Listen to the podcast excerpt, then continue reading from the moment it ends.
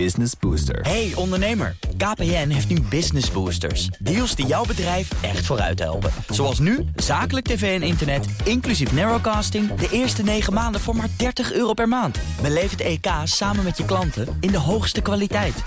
Kijk op kpn.com slash businessbooster. Business Booster. BNR Nieuwsradio.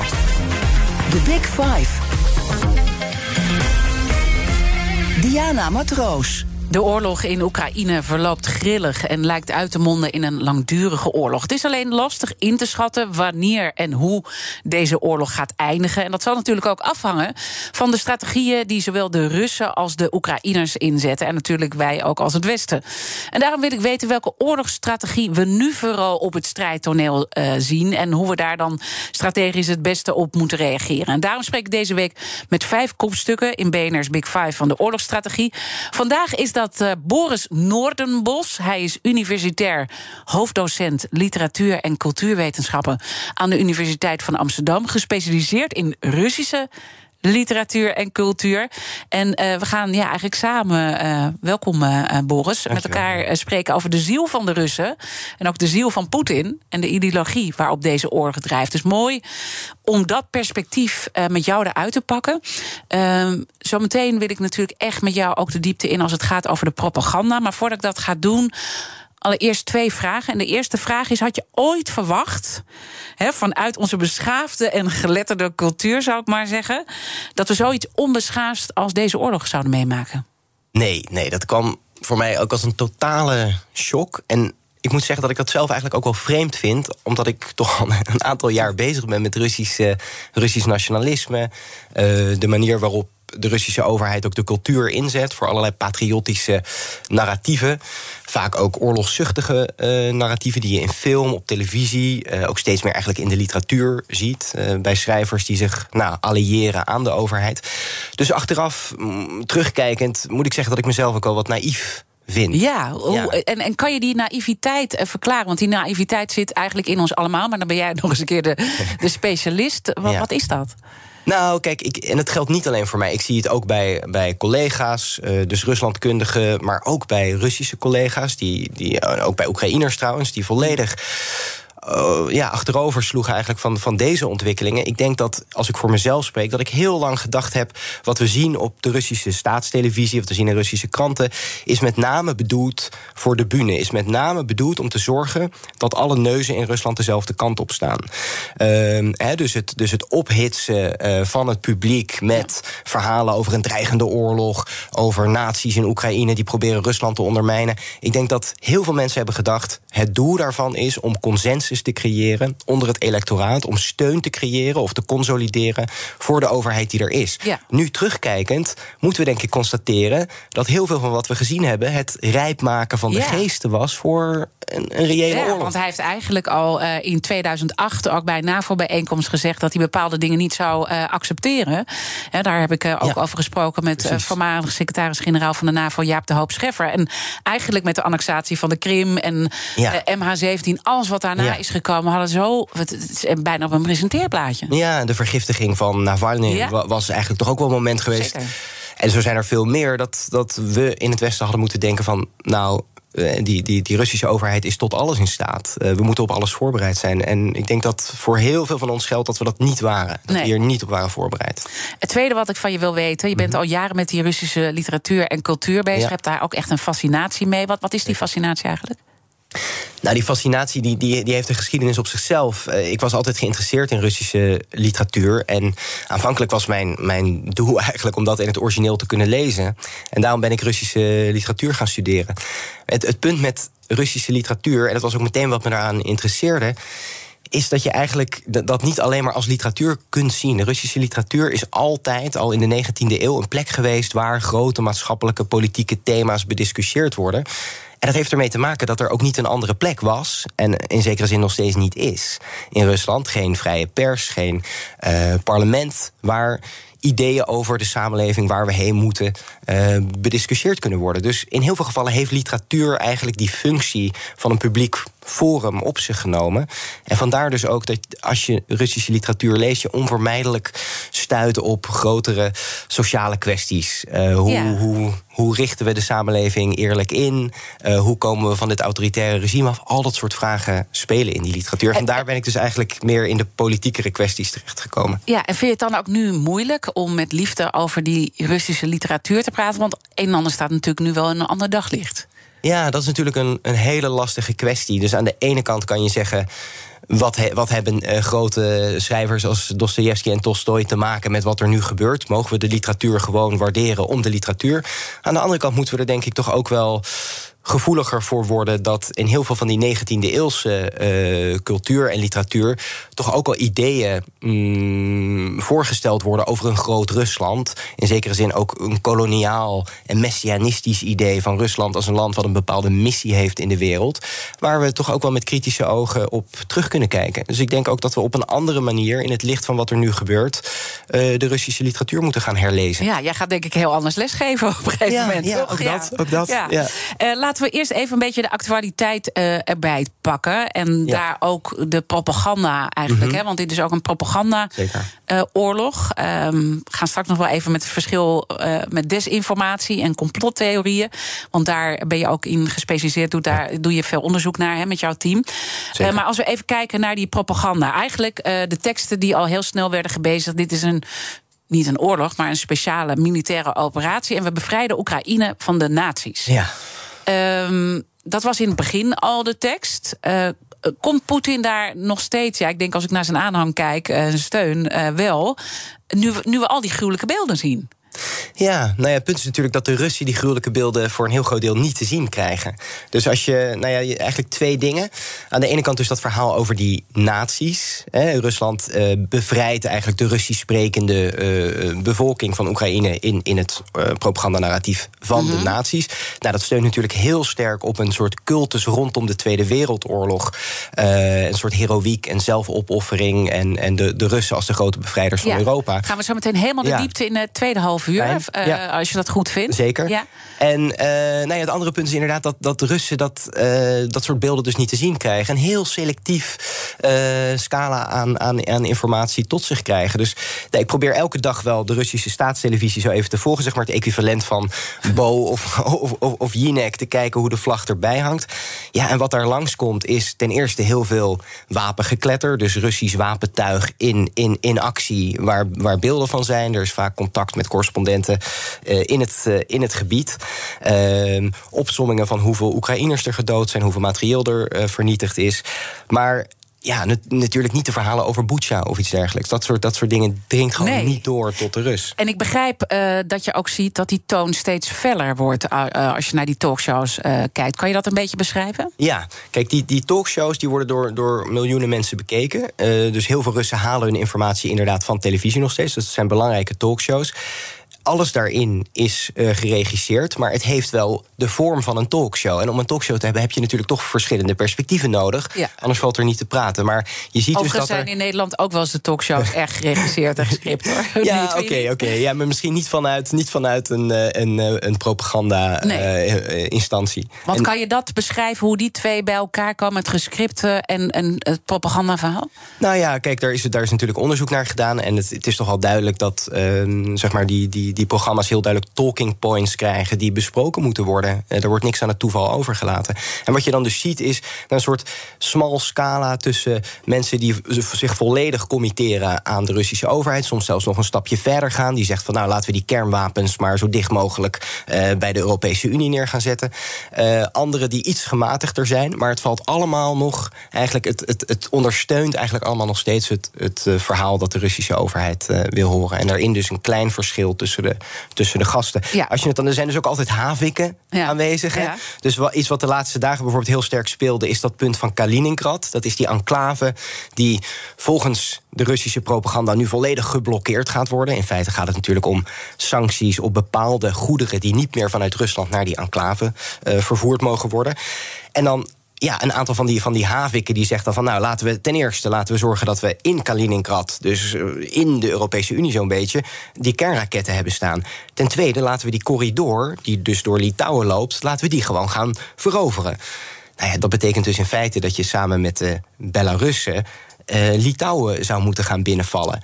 En dan is er een andere gast die daar zegt van... nou, misschien moeten we dat niet, misschien moeten we eerst wat andere opties gaan overleggen. Die zwakt het een beetje af, uh, maar dan ja. is het toch uh, uh, gezegd. En, en, ja, en precies, het grotere doel daarachter, want je, je beschreef eerder ook je eigen naïviteit. Hè? Eigenlijk um, ook denk ik, als je, hadden, hadden we het ook kunnen zien aankomen... als we naar die talkshows goed hadden gekeken de afgelopen jaren... waar jij altijd dan naar kijkt? Nou, ik denk bijvoorbeeld, als ik zo terugkijk, maar dat is natuurlijk altijd de wijsheid achteraf. Ik, ik heb heel lang uh, bijvoorbeeld de berichtgeving over Sputnik V, over dat, uh, over dat vaccin gevolgd. Daar waren op de Russische televisie ontzettend veel complottheorieën over. Het Westen wil niet erkennen dat wij een grote wetenschappelijke doorbraak uh, hebben bereikt. We worden tegengewerkt met de verspreiding van Sputnik V, met de erkenning ervan.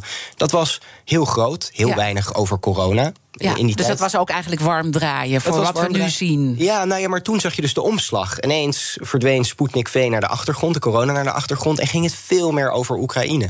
En dat was zo aan het einde van vorig jaar. Ja. Als je dan terugkijkt, denk je, oh ja, dat, dat was het begin. Dat van, was ook een heel uh, belangrijk signaal... wat je ja. eigenlijk uh, uh, nou ja, kon, kon zien aankomen.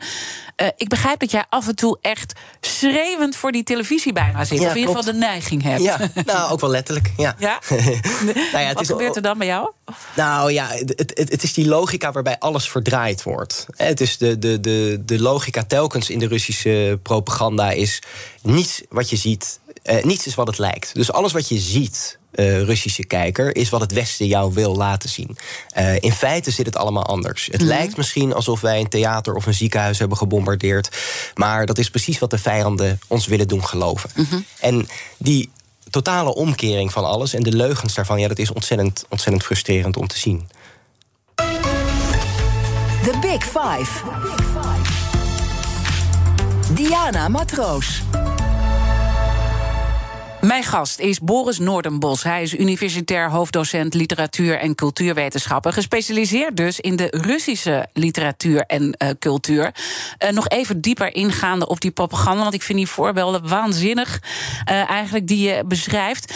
Um, die, die voorbeelden die je net noemde, ook met kernwapens. Hè, dat dat even dan zo wordt benoemd. Hoe, hoe serieus moeten we dat nemen in jouw optiek? Ik bedoel, je bent geen militair strateeg natuurlijk. Nee, dus dat vind ik ontzettend lastig om in te schatten. Ik denk dat iedereen dat lastig vindt. Dus aan de ene kant kan je, kan je zeggen dat is een manier. Kijk, die Russische propagandamachine die, die drijft op emotie. Mm -hmm. Dus angst en haat, dat zijn de overheersende emoties in die, in, die, in die talkshows. En het idee daarbij lijkt toch te zijn dat iedereen die. Nou ja, er zijn natuurlijk heel veel Russen die met wat meer afstand kijken naar wat er gebeurt. Die zich misschien niet helemaal alliëren aan het overheidsverhaal. Ook die worden via deze emotionele shows eigenlijk in dat verhaal uh, getrokken. Dus aan de ene kant kan je het zien als een manier om te zorgen dat je die consensus en die steun van het publiek behoudt. Van de oorlog ja. ook behoudt. Van de oorlog ook zeker behoudt. Aan de andere kant kan je, kan je het zien als het rijp maken van de geesten voor een, een actie, een provo provocatie in Litouwen. Uh, als reactie op die uh, sancties op bepaalde goederen die naar die ja, En dat is eigenlijk heel moeilijk uh, in te schatten, ja, eigenlijk. Ja, en wat mij ook heel confronterend lijkt, je hebt ook collega's, ook op de universiteit, die dan ook daarvoor worden gevraagd voor dit soort shows, begreep ik. Nee, nee, oh. gelukkig niet. Nee, nee. oh, nou, heb ik iets oh, verkeerd begrepen. Nou, nou wacht, oh. ja. nou, niet op, niet op onze universiteit, maar ik heb collega's bijvoorbeeld in Rusland... Uh, waar, ik, uh, waar ik bevriend Rusland, mee, ja. mee, ben. Uh, nou ja, en die laten dan... Ja, kijk, dus we hebben het nu over grote politieke thema's... die in de Russische propaganda langskomen. Je moet bedenken, een heel groot gedeelte ervan... gaat over, over veel trivialere zaken. Biden die van zijn fiets is gevallen. Ik heb de afgelopen, afgelopen twee dagen... ik denk dat er, dat er in totaal wel een half uur besteed is... op Russische staats televisie aan dat Biden van zijn fiets is gevallen. Dus we krijgen die beelden te zien. Ja. Uh, daar wordt een grappig muziekje onder gezet. Dat wordt een aantal keer herhaald. Dan de volgende dag krijgen we te zien dat Trump daar een opmerking over heeft gemaakt. Dat een leider die van zijn fiets valt, nou ja, niet fit genoeg is om in het Witte Huis te zitten of iets dergelijks. Dan krijgen we komieken die daarop reageren. Dat wordt telkens ja. Overigens zou uh, Amerika dat denk ik net zo goed doen, toch? Ja, ja, nou ja, dat, ze gebruiken dus de beelden van Fox News. Ja. Uh, dubben die in het Russisch en laten die zien. Dus wat dat betreft is dat misschien niet zo, zo uniek. Maar je vroeg me, worden collega's ja, daarvoor ja, gevraagd? Ja, Nou ja, er was natuurlijk ook het verhaal met het dagboek van de dochter van Biden... wat er gevonden was, waarin ze iets zegt over dat ze met haar vader gedoucht heeft. Of dat wel, ze vraagt zich in dat dagboek af of dat wel uh, goed was.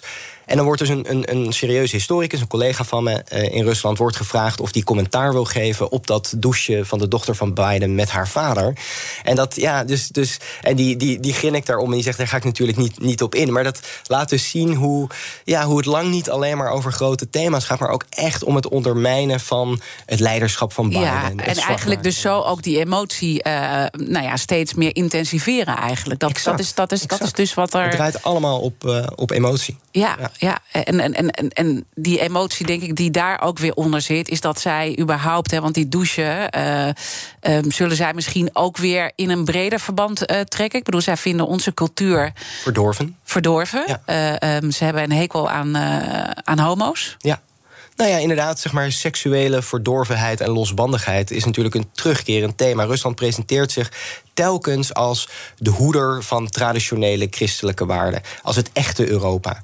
Uh, dus, of het echte Westen, zou je kunnen zeggen. Het, de, de, VS en Europa hebben eigenlijk die christelijke waarden te grabbel gegooid. En Rusland is het laatste bolwerk waar dat soort waarden nog in ere worden gehouden. Mijn gasten stellen elkaar vragen via de kettingvraag. En in de vorige aflevering sprak ik met defensiespecialist Rob de Wijk. Hij is hoogleraar internationale betrekkingen en oprichter van de Hague Center for Strategic Studies. En Rob had ook een heel interessante vraag van jou, ook uh, ja, aangaande de ziel uh, van de Russen. Luister maar. Hij doet heel interessante dingen. Uh, identiteit en de Russische ziel, om maar zo te zeggen, zijn natuurlijk buitengewoon belangrijk. Daar zitten we ons ja, in te verdiepen. En van wat moeten we nou met dat land? En uh, nou, ik was, was in Litouwen een paar dagen geleden. En toen een van die ministers zei tegen mij van... Uh, ja, Rob, je moet je wel realiseren, die Russen... Uh, die wijzen oorlog niet af. Oorlog zit bij wijze van spreken in de genen van, van Russen. ze vinden het een acceptabele manier van buitenlands beleid voeren. En ze zijn ook nog een keer bereid zonder morgen om duizenden doden bij te accepteren.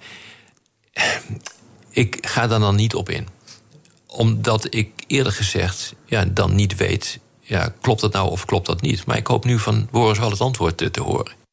Ja, hoe zit het? Ja, nou ja, ik moet zeggen dat ik altijd moeite heb met verklaringen die, uh, waar een soort onvermijdelijkheid in zit. Of een soort essentie. Dus als we het hebben over de Russische ziel of de Russische genen. die er onvermijdelijk toe leiden dat ze oorlogzuchtig zijn of iets dergelijks. Daar geloof ik eigenlijk niet zo in. Ik denk wel, trouwens, het is een hele mooie grote vraag die, die, die erop stelt. En een belangrijke vraag. Uh, en ik denk eigenlijk, wat we zien is dus niet zozeer een soort Russische volksaard of iets dergelijks, die ertoe moet leiden dat dit soort zaken gebeuren. Maar ik denk wel dat er een lange traditie is van totalitaire regimes, Sovjet-regime, maar nu ook het Poetin-regime, die eigenlijk verhalen over slachtofferschap, uh, over oorlog, uh, met name ook over verliezen weten om te buigen tot een verhaal over zelfopoffering, martelaarschap, heroïek voor het grotere doel. En dat daarin dus zeg maar, de individuele ervaringen van mensen die een zoon verliezen in de oorlog of een huis verliezen, volledig worden genegeerd. En eigenlijk worden overschreven met een groter uh, verhaal waardoor de bevolking wordt gemobiliseerd om, om zich nou ja, op te offeren en in te zetten. Kost wat kost voor het vaderland. En, en, en die strategie, hè, want dat is dan ook die uh, oorlogsstrategie eigenlijk die daaronder zit, die wordt wordt uh, helemaal uitgenut om ook te zorgen dat de Russen bepaalde uh, beelden niet zien. Hè? Dat het internet ook uh, op een bepaalde manier afgesloten wordt. Dit gebeurt ook in Gerson. Ja, precies. Dus, het, uh, ja, dus je hebt ontzettend. Dat is natuurlijk het punt. Kijk, je hebt te maken met, met, met Oekraïners waar heel veel Russen hebben familiebanden met Oekraïners. Uh, Oekraïners spreken, bijna alle Oekraïners begrijpen Russisch. Die, die, die, dus er, zijn, er is zoveel culturele en persoonlijke band met dat land. dat je een enorme controle nodig hebt op de informatievoorziening. om die mensen uh, te presenteren als het ultieme kwaad die ons aan het ondermijnen zijn. Uh, en die we, die, we moeten, die we moeten uitschakelen. Dus daarom heb je. Dus eigenlijk je je, je, jezelf uitschakelen. Dat is bijna waar dit over gaat, omdat ze zo dicht bij elkaar liggen. Ze zitten zo dicht bij elkaar dat je een gigantische inspanning moet leveren om de informatie zo te spinnen en zo te controleren. Uh, dat, je die, dat je die oorlog vol kan houden en kan legitimeren en kan rechtvaardigen. En hoe moeilijk is dat? Want uh, ja, die, die, die cultuur hè, van de Oekraïners die lijkt dus heel erg op die Russische cultuur. Dan heb je ook nog religie, uh, ja. die super belangrijk is. Ja. Overigens ook voor Poetin komen misschien ook zo meteen nog op. Maar die, die orthodoxe Russische kerk die zit in Oekraïne, de bakermat daarvan. Uh, hoe moeilijk is dat met religie ook in, op de achtergrond... en dat je qua cultuur zo op elkaar lijkt om tot die stap te komen? Ja, Nou, dat is dus inderdaad de spagaat uh, waar, waar je ziet dat de Russen in zitten. Aan de ene kant is Oekraïne in heel veel opzichten, historisch, religieus, inderdaad een bakermat voor Rusland. de kerstening van Rusland begint in Kiev in de 10e eeuw. En, en het christendom verspreidt zich van daaruit. Dus dat is een enorm belangrijke plek. Aan de andere kant uh, ja, en je hebt het Sovjet-verhaal, uh, wat, wat in die tijd telkens uh, onderdeel was van de propaganda. Russen en Oekraïners zijn, zijn broedervolken, horen bij elkaar. Dat verhaal dat wordt in zekere zin volgehouden. En tegelijkertijd worden de Oekraïners bestempeld als een soort nieuwe manifestatie van het nazisme. En die twee verhalen die, ja, die, die bestaan naast elkaar, die bijten elkaar natuurlijk. Maar dat laat dus zien in wat voor vreemde spagaat dat Poetin-regime zit. Om, ik zou zeggen dat om die tegenstelling op te lossen. Het verhaal telkens is: de Oekraïners zijn een broedervolk. Ze zijn eigenlijk niet wezenlijk anders. Ze zijn eigenlijk niet een natie. Natuurlijk een heel koloniaal verhaal. Maar het zijn de Amerikanen en het Westen die Oekraïne gebruiken als een instrument om ons te ondermijnen. Dus dan kom je dus op dat complotdenken, waarbij er altijd een externe factor is die de Oekraïners tegen ons opzet. Want, want als, zie jij het dan in essentie nu wat we nu zien als een, een desinformatieoorlog of toch als een propagandaoorlog? Nou ja, die, die, ja, die twee hangen natuurlijk heel sterk met elkaar. Zeker, met, met elkaar maar er is wel een verschil ook natuurlijk. Ja, er, er, ja, er is een verschil um, in de zin dat ik zou zeggen... die propagandaoorlog die, die steunt op een aantal hele grote verhalen. Um, en om die verhalen vol te kunnen houden... moet je telkens informatie spinnen. Moet je telkens valse informatie de wereld in steunen, moet je sturen. Moet je telkens um, on, onwelvoegelijke informatie wegdrukken en niet laten zien. Uh, ja, dus het is een, ja. Een, een, ja, absoluut. Ze hebben met elkaar te maken, maar die propagandaoorlog is veel uh, moeilijker, denk ik, aan te pakken. Omdat dat veel dieper de ziel van Rusland uh, beschrijft. En de Russen bestaan ook niet. Goed dat je dat ook benoemt. Maar die is natuurlijk veel moeilijker op te lossen. Ja, Nee, precies, precies. En die verhalen die grijpen terug op, op verhalen die mensen kennen uit de Sovjet-tijd. Dus dat valt in ieder geval voor het oudere publiek ook in een, in een vruchtbare bodem. Die herkennen verhalen over foute westerse imperialisten die ons proberen te ondermijnen. Het zijn Sovjet-verhalen voor een heel groot deel. Die opnieuw uit de kast worden gehaald en afgestoft en opnieuw worden, worden, worden ingezet. Ja, en dus ook de Tweede Wereldoorlog. Laten we zo, uh, zo meteen ja. daarover verder praten. Want er zit een diepe fascinatie, uh, ook bij de Russen en bij Poetin, voor die Tweede Wereldoorlog. En dat wordt aan alle kanten wordt dat, uh, gebruikt ook in deze oorlog. Wat daar precies achter zit, daarover praat ik zo meteen in het tweede deel verder met Boris Noordenbos. Hij is universitair hoofddocent literatuur en cultuurwetenschappen. Gespecialiseerd dus in Russische literatuur en cultuur. Tot zo. Business Booster. Hey ondernemer, KPN heeft nu Business Boosters. Deals die jouw bedrijf echt vooruit helpen. Zoals nu, zakelijk tv en internet, inclusief narrowcasting... de eerste 9 maanden voor maar 30 euro per maand. Beleef het EK samen met je klanten in de hoogste kwaliteit. Kijk op kpn.com slash businessbooster. Business Booster. Een berichtje van Odido Business. Hoe groot je bedrijf ook is of wordt, bij Odido Business zijn we er voor je. Met unlimited data en bellen en met supersnel en stabiel zakelijk internet. Ook via glasvezel. Ontdek wat er allemaal kan op odido.nl slash business. Het kan ook zo.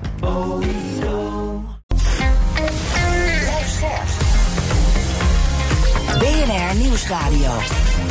The Big Five. Diana Matroos. Welkom bij het tweede half uur. Deze week praat ik met vijf kopstukken uit de wereld van de oorlogsstrategie. Uh, later deze week uh, praat ik nog met hoogleraar oorlogsstudies aan de Universiteit Leiden, Frans Ozinga. En dan gaan we natuurlijk ook praten, ga ik met hem praten over de oorlogsstrategie van president Poetin. Um, ik sluit dus met hem de week af. Uh, wil je nou echt geen afleveringen missen? Uh, abonneer je dan even op onze podcast. Mijn gast vandaag is Boris Noordenbos. Hij is universitair hoofddocent literatuur en cultuurwetenschappen, gespecialiseerd in de Russische literatuur.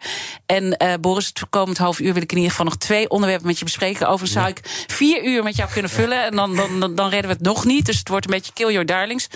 Maar in hoeverre propaganda een belangrijke graadmeter is voor wat er nog in de toekomst uh, gaat gebeuren. Hè, hoe die oorlog zich ontvouwt en waardoor Poetin gedreven wordt. En waarom er zoveel aandacht is voor het Tweede Wereldoorlogverhaal in Rusland.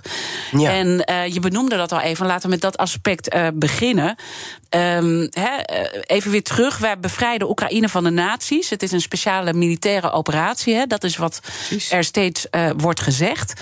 Ja. Waar, waar, waar is dit verhaal nou zo belangrijk in geworden? Ja, dan, dan kom je dus echt op dat punt van een van de oorlogs cultus die eigenlijk in de late Sovjet-tijd ontstaat. Eh, overigens niet onmiddellijk. Nou het begint natuurlijk wel al in de jaren 40 en in de jaren 50, maar met name in de jaren 60, als, laten we zeggen, het regime aan charisma verliest. En men ook een beetje moe is van, van dat communistische ideaal, wat, wat maar niet komt dan gaat de, met name de Brezhnev-regering... die gaat grijpen naar uh, de herinnering aan die oorlog... en die gaat daar heel sterk de controle op uitoefenen. En dat wordt dus een verhaal inderdaad van heroïek. De Russen die hebben die, die nazi's verslagen... die hebben daarmee eigenlijk Europa bevrijd. Is natuurlijk voor een deel ook zo. Maar dat wordt heel sterk gekoppeld aan het aanzien van, van, van de staat. Dus dan krijg je die parades, um, uh, ook voor 9 mei, hè? Uh, 9 mei, inderdaad. Uh, begint dan in de jaren 60, 1965. en dan wordt dat dus eigenlijk heel erg gemobiliseerd en ingezet...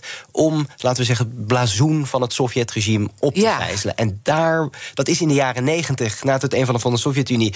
ja, was men ook gewoon moe van dit soort, van dit soort bombastisch vertoon. Maar je ziet dus dat de Poetin-regering dat eigenlijk weer ontzettend uh, knap op een bepaalde manier nieuw leven heeft ingeblazen. En Terwijl niet alleen wij echt een hele andere manier Ja. hebben om uh, naar die geschiedenis te Exact. kijken. Hè. Bij ons is het dit nooit weer. En daar is Een het, soort we het opnieuw. ingetogenheid. En daar is het heroïek. Ja, daar is het verhaal niet we dit nooit weer. Maar daar is het verhaal is we, we, we, gaan het herhalen. Dat is letterlijk een slogan die veel gebruikt wordt. We Ja. kunnen het opnieuw. Ik las ook ergens uh, in, de, in de zaken die je er al eerder over hebben besproken... dat dit een van de weinige onproblematische punten... in de hele Russische geschiedenis uh, uh, is. Kan je dat een beetje toelichten?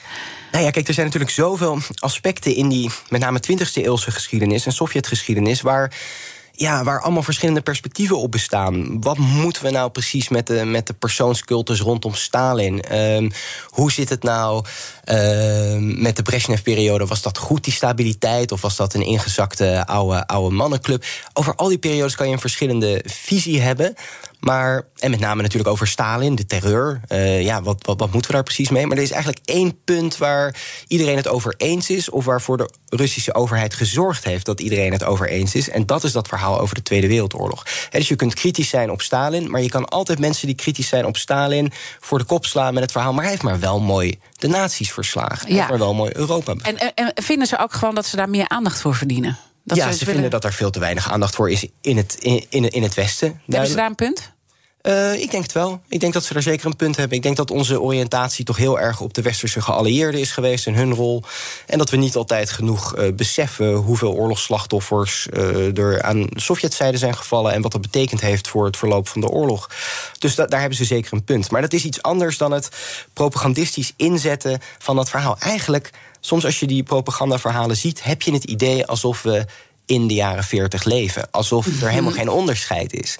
Dus het, je ziet mensen op internet ook reageren van... zijn we nu in 1942 of zouden, zijn we al in 1943? Weet je, het, het is echt het naar het heden trekken van dat verleden. Ja, en daarin dus ook zeggen, wij waren, eh, nou ja, ook de eerste. Hè? Ik bedoel, dat, dat is ook wat er in de ondertoon. Wij hebben die vlag in Berlijn op de Rijksdag eh, gezet. En Dat is, het, dat, dat is het verhaal van de, van de, Ja. Aan de Russische kant. Ja. Oké, dus dat is dus de oorlogscultus die we daar eh, eh, zien. Ehm, dat is dus super belangrijk voor ze. Eh, wa- wat beogen ze daar nou uiteindelijk mee? Nou, wat ze daarmee beogen is inderdaad, hè, wat ik zei, dus er zijn verschillende punten aan. Het, het eerste is dat het iets is waar niemand iets op tegen kan hebben. Ja. Dus als het verhaal is, we zijn de Tweede Wereldoorlog aan het herhalen... nou, dan zou je wel gek zijn als je daar dan nog kritiek op hebt. Hè, dan ben je eigenlijk een verrader. Dan ben je eigenlijk zelf een nazi of een collaborateur. Het tweede is dat dat oorlogsverhaal... we hadden het al, je noemde al even religie... dat dat een soort religie op zichzelf is geworden. Die, er is dus inderdaad die vlag die op de Rijksdag gezet is. Dat is die beroemde foto die overigens geanceneerd is. Maar die vlag, dat is een, ja, dat is een soort heilig object geworden. Kopieën daarvan worden nu op de tanks gezet... die Oekraïne binnen zijn gereden uh, eerder dit jaar. Dus ja, dat is, een, dat is meer dan een, dan een culturele herinnering. Dat Ja. is echt een cultus, dat heeft, heeft echt iets sacraals. En, en speelt dan ook nog mee dat er nieuwe jonge zieltjes gewonnen moeten worden? Um, ja, ik denk. Nou ja, dat is natuurlijk iets. Ja, dat is iets lastigs. De, de, de, in feite een beetje hetzelfde probleem als wij hebben. Op een gegeven moment is die generatie ja. die de oorlog heeft meegemaakt, is uitgestorven. En dan heb je dus inderdaad. Het hoeft niet nieuwe verkeerd te zijn om dat weer onder de aandacht Ja. te brengen, natuurlijk. Maar, Maar, er wordt ook slim gebruik gemaakt van VR. technieken van films die heel erg geïnspireerd zijn op, laten we zeggen, computerspel, esthetiek. Om die jongere generatie mee te trekken in dat, in dat verhaal over de Tweede Wereldoorlog. Dus daar heb je zeker een punt. Ja, en dat meetrekken in die oorlog, dat gebeurt natuurlijk, je noemt al even de film, hè, waar dat uh, gebeurt. Nou, we hebben eerder de talkshows hebben we al uh, beschreven. Wordt dit ook um, onder de aandacht gebracht via de sociale media? En hoe goed zijn de Russen daarin? Ja, dus dat is, een, dat is een, een hele interessante vraag. Want Eerder hadden we het over de televisie. Dat is eigenlijk de plek, zou ik zeggen, waar het Russische regime zich het meest thuis voelt. Uh, 60% van de Russen haalt nog steeds zijn informatie van die televisie. Dan hebben we het natuurlijk wel over het oudere ja. segment van de Russische bevolking. Ja. En wat je de laatste tijd ziet, is eigenlijk toch wel dat de Russische, um, het Russische regime, het Poetin-regime, heel goed in staat is uh, om inderdaad ook het internet en de werking van informatiestromen op het internet naar de eigen hand te zetten. Met name. Nou ja, er zijn natuurlijk verschillende kanalen, maar met name Telegram vind ik heel interessant om te zien. Waarin je dus groepen hebt die gevolgd worden door meer dan een miljoen mensen. Die zichzelf presenteren als fact-checking Telegram groepen. Ja. Dus wat je daar te zien krijgt, het, de esthetiek is helemaal, het ziet er helemaal uit als, nou, dit is een, dit is een debunking site, een fact-checking, onderzoeksjournalistiek. Wat je te zien krijgt is eerst een post, daar staat fake, dan krijg je het verhaal wat fake is dan hebben ze toch vaak iets obscuurs gevonden om lekker tegenaan te gaan schoppen. In sommige gevallen is die fake, die bestaat niet, die is zelf bedacht. Daaronder komt dan hoe het echt zit. En dat is in, eigenlijk altijd het propagandaverhaal van de Russische overheid. Dus het is in feite propaganda gepresenteerd in de vorm van fact-checking of debunking. En ik denk dat dat ontzettend slim is, want je kan natuurlijk eindeloos datzelfde verhaal over die naties in Oekraïne erin hameren. Mm Maar het is veel effectiever uh, en veel interessanter en spannender waarschijnlijk. Om te zeggen: dit is wat ze zeggen, maar dat is helemaal niet waar. We hebben het uitgezocht ja. voor jullie en wat blijkt, het zit zo en zo en zo. Dus het is echt een combinatie van die desinformatieoorlog en uh, wat je eerder al zei, en die propagandaoorlog. Ja. En uh, aan de ene kant dus, nou ja, dit soort feiten die worden omgedraaid. Aan de andere kant die oorlogscultus, die, zodat je eigenlijk alle groepen in de samenleving meekrijgt. Ja. als het gaat over die oorlogscultus um, en over tal van dingen. Uh, ook sociale media of wat we wel of niet uh, te zien krijgen, is denk ik ook goed om de zaken even om te draaien. En ook te kijken hoe de Oekraïners het doen. Want die doen natuurlijk ook bepaalde dingen die misschien ook niet altijd door de beugel kunnen. Ja, nee, ja, zeker. En, en nou ja. Kijk, in, in, in, in elke oorlog gebeurt dat. In elke oorlog is natuurlijk de waarheid een van de eerste ja. dingen die sneuvelt. Uh, wat ik wel mooi vind aan de Oekraïnse strategie is dat ze bijvoorbeeld als ze het hebben over oorlogsslachtoffers, dat ze daarbij erkennen dat dat op dit moment nog niet exact vastgesteld kan worden, maar dat ze wel de intentie hebben -hmm. om uiteindelijk uh, te gaan bepalen hoeveel Oekraïners er nou echt gesneuveld zijn. En dat is iets wat je eigenlijk van de Russische zijde natuurlijk helemaal niet eens hoeft te verwachten. Dus ik zie daar toch een heel groot verschil. Uh, maar als je kijkt, terugkijkt naar die Tweede Wereldoorlog? Als je terugkijkt naar die Tweede Wereldoorlog. Nou ja, Zelensky heeft gisteren gezegd. Dat was natuurlijk de, de dag van de invasie. Van de Duitse invasie. Van de nazi-invasie van de Sovjet-Unie. Uh, op 22 juni.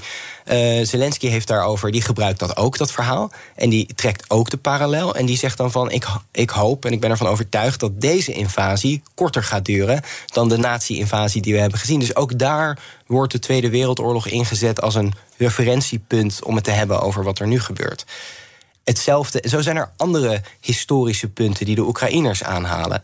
Um, de Holodomor, de, de, de hongersnood, de geanceneerde of de georchestreerde, in stand gehouden hongersnood door Stalin in de jaren 30, wordt natuurlijk aangehaald als een nationaal trauma. Als een van de eerste momenten, of een van de vele momenten eigenlijk, waarop het Oekraïense volk het slachtoffer werd van de machthebbers in Moskou. Wordt nu telkens opnieuw aangehaald.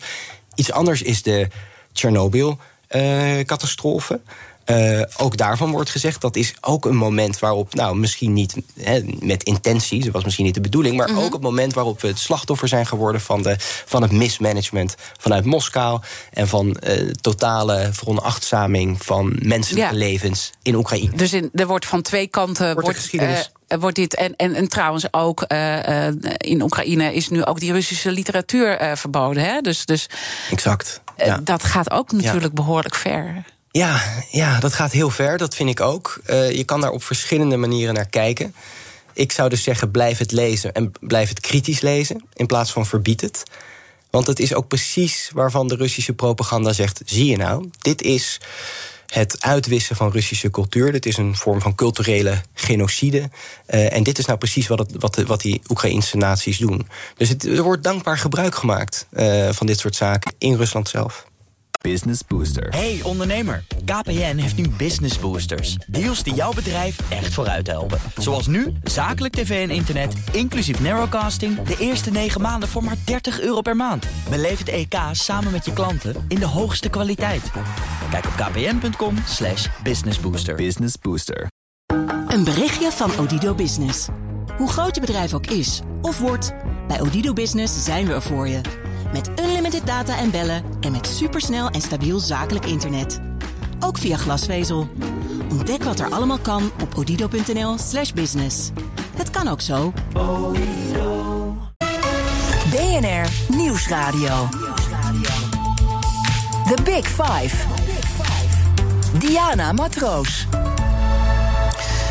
Je luistert naar BNR's Big Five van uh, de oorlogsstrategie. Eerder deze week sprak ik met hoogleraar cyber Paul Duchesne... en met voormalig luitenant-generaal Mart de Kruif. Dit is allemaal terug te luisteren via de BNR-apps... net als het gesprek met Rob de Wijk. Mijn gast vandaag is Boris Noordenbos... universitair hoofddocent literatuur en cultuurwetenschappen... gespecialiseerd in de Russische literatuur en cultuur. Propaganda als toekomstvoorspeller. Want we gaan toch een beetje de blik richting de toekomst... in heel paar minuten die ons nog eh, rest. Wat denk jij als literatuur- en cultuurwetenschapper dat Poetin uiteindelijk voor ogen heeft met deze oorlog? Ja, dat is natuurlijk de, de, belangrijkste vraag. Million dollar question, ja. Ja, precies. Maar het is wel een vraag waar we over na moeten denken. Als we het hebben over strategie. Het, het gaat natuurlijk niet alleen maar om um, nou ja, militaire strategie. De vraag is ook, wat, wat drijft überhaupt deze oorlog? Wat is het zelfbeeld van Rusland? Wat het noodzakelijk maakt om Oekraïne binnen te gaan vallen? Wat voor idee van de Russische identiteit zit erachter dat deze oorlog nodig ja, lijkt te en zijn? wat is die? Nou, ik denk wat je eigenlijk de laatste jaren hebt gezien, is dat was aanvankelijk toch iets wat zich een beetje in de marge van de cultuur bevond. Ik was daar sterk in geïnteresseerd aan het begin van, de, van, van, van deze eeuw. Dat waren mensen die zeiden: um, oké, de Sovjet-Unie is uit elkaar gevallen, maar Rusland kan niet een normaal land worden als alle anderen. Wij hebben een andere historische bestemming. Wij zijn een imperium. Wij hebben eigenlijk, wij zijn een soort de Romeinen van het Eurasiatische continent, maar wij zijn niet een land. Wij zullen geen Italianen worden. Wij zijn, wij hebben een andere, uh, ja, een andere bestemming in deze wereld. Ja, en is dan het, het doel dat Russische Rijk herstellen of toch iets anders? Nou ja, dus die, dat idee van Rusland als civilisatie en niet als een gewoon land, dat zie je eigenlijk steeds meer nu doorklinken. De laatste jaren al in de retoriek van Poetin. Um, Sorry, wat was je vraag daar? Nou, gaat het dan om het Russische Rijk herstellen? Nou ja, dat hangt er dus vanaf welk Russisch Rijk. Eh, is dat het Tsaren-imperium? Is dat de Sovjet-Unie? Ik denk eigenlijk allebei niet. Uh, dus dat is, het is heel want, onduidelijk wat het historische Wat is het verschil dan uh, wat, waar hij door gedreven wordt? En misschien ook zijn inspirator daarbij? Ja, dus er zijn verschillende inspiratiebronnen. Uh, een aantal weken geleden haalde, die, haalde Poetin ineens Peter de Grote aan. Als iemand die gebied op de Zweden heeft veroverd en daar Sint-Petersburg heeft gesticht. En die zei, nou, die was aan het versterken en aan het terugpakken van land. En wij zijn ook aan het versterken en aan het terugpakken. En denk je, is, is dit nu het model? Mm -hmm. in, in andere gevallen heb je het idee dat hij probeert om de Sovjet-Unie natuurlijk te herstellen. Maar ook daar is eigenlijk geen sprake van. Ik bedoel, Poetin, Poetins regime is heel duidelijk rechts georiënteerd, heeft een hele duidelijke religieuze interesse en component. Dat alles strookt helemaal niet met het socialistische gedachtegoed. Dus als er een nostalgie naar de Sovjet-Unie is, dan gaat dat meer om de geografische contouren dan om dat rijk zelf of de ideologie ervan. Dus uh, ja, ik denk dat het heel onduidelijk is wat precies het model is. Uh, als het gaat over die uh, inspiratie, je noemde al even religie. Hoe belangrijk is nou religie? Ehm, bijvoorbeeld um, Kirill is heel belangrijk voor Poetin. Poetin steunt de oorlog en deelt zijn visie. En hij is geestelijk leider van de Russisch-Orthodoxe Kerk. Hoe, hoe, in hoeverre speelt religie een rol? Want ik hoor er zo weinig over. Ja, nou, ik ik denk zeker dat de religie is een van de, een van de pijlers van het regime. En is dus ook volledig onder controle. Zoals elke, uh, laten we zeggen, sfeer in het dagelijks leven onder controle is van de Poetin-regering. Dat geldt ook voor religie. Uh, is daar een belangrijk onderdeel van. Um, het is niet iets wat je nou continu terugziet in, in de propaganda. Het enige is wat je ziet is dat de Amerikanen Hè, dit is het verhaal van de, van de Russen dan. De Amerikanen proberen om een wicht te drijven tussen uh, de verschillende groeperingen in de Russisch-Orthodoxe mm -hmm. kerken. Met name tussen Oekraïners en, en de. En, en, en, maar de bakermat van de Russisch-Orthodoxe kerk ligt toch in Oekraïne? Ja, zeker. Zeker. Dus dat is, dat is weer dat paradoxale moment waar, waar, waarop aan de ene kant wordt erkend dat Oekraïne uh, een heel belangrijk fundament is voor de Russische cultuur en de Russische religie. En aan de andere kant iedereen nu moet begrijpen dat die Oekraïners eigenlijk allemaal fout zijn en gebrainwashed en uh, gezuiverd of ja. uh, vernietigd moeten worden. Nog een uh, Russische intellectueel, Dugin, als ik die naam goed uitspreek. Ja. Um, die heb jij trouwens geïnterviewd in 2009, begreep ja, ik? heel lang geleden, ja. Ja, en, en, en dat is een belangrijke inspiratiebron ook, begreep ik, voor Poetin. Ja, nou, die Alexander Dugin, dat is dus de filosoof van het Eurasianisme. Uh, dat is dus in feite dat idee dat Rusland of een imperium is of niet bestaat. Uh, en dat is aanvankelijk toch een vrij marginaal figuur. Heeft ook allemaal contacten met meer artistieke mensen. Uh, maar wordt langzaam steeds verder geïnstitutionaliseerd. Krijgt een belangrijke functie aan de Moskouse Staatsuniversiteit tot 2014. Wordt door sommigen het brein of de ideoloog van Poetin genoemd. Ik denk niet dat daar nou echt zodanig sprake van is. Maar je ziet een aantal van zijn ideeën toch telkens weer terugkomen in Poetins uh, speeches. Bijvoorbeeld op het internationale economische forum in Sint-Petersburg, Ja, wat hij ja, organiseerde eigenlijk zelf. Daar zegt Poetin dan iets als: ehm, we moeten af van een unipolaire wereld. Dus een wereld met één centrum. Dus een globaliserende wereld waarvan het centrum eigenlijk in de Verenigde Staten ligt. Er moet een tegenhanger voor zijn. De implicatie is natuurlijk wij zijn. Die Nou ja, en, en, en, en natuurlijk de grote broer eh, China. Precies, hè? Want dat precies. is natuurlijk ook waar het gesprek Ja. met Rob gisteren over ging. Eh, de machtsbalans is gewoon aan het verschuiven. En wij vinden dat ook moeilijk om te accepteren. En het is ook een soort payback time geworden voor ons koloniale verleden. Precies, precies. En nou, Dugin is, is degene die dat soort termen als unipolair en multipolair de wereld in heeft eh, eh, gegooid in Rusland. En ja, dat zie je toch telkens terug in, in Poetins eh, retoriek. Ja.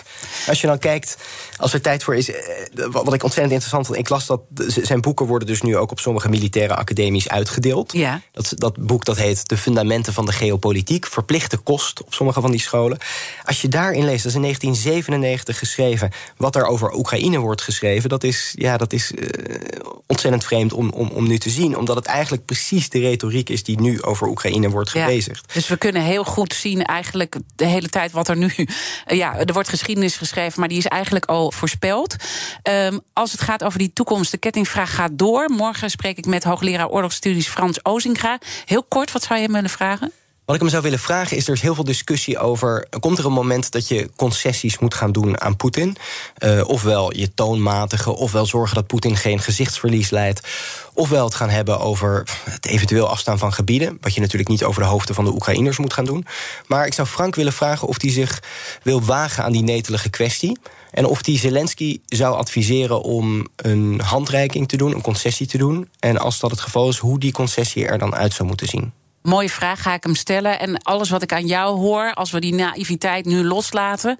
we zijn nog lang niet klaar, hè? We zijn nog lang... Dit, dit, dit, hij, hij, Poetin zal zijn strategie verder blijven uitrollen... terwijl het ook moeilijk is welke kant het op gaat. Exact, ik denk dat dat de, de, de essentie is. Het is ontzettend onvoorspelbaar, omdat er niet één model is wat hersteld gaat worden, omdat het een samenraapsel is van ideeën.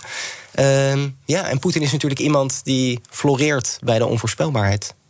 Ik vond het heel boeiend. Ik hoop dat we eh, in de toekomst nog een keer verder kunnen praten bij dit programma. Dank Boris Noordenbos. En luister alles terug van de Big Five in onze podcast. Abonneer je erop eh, via je favoriete podcastkanaal, want dan mis je geen aflevering.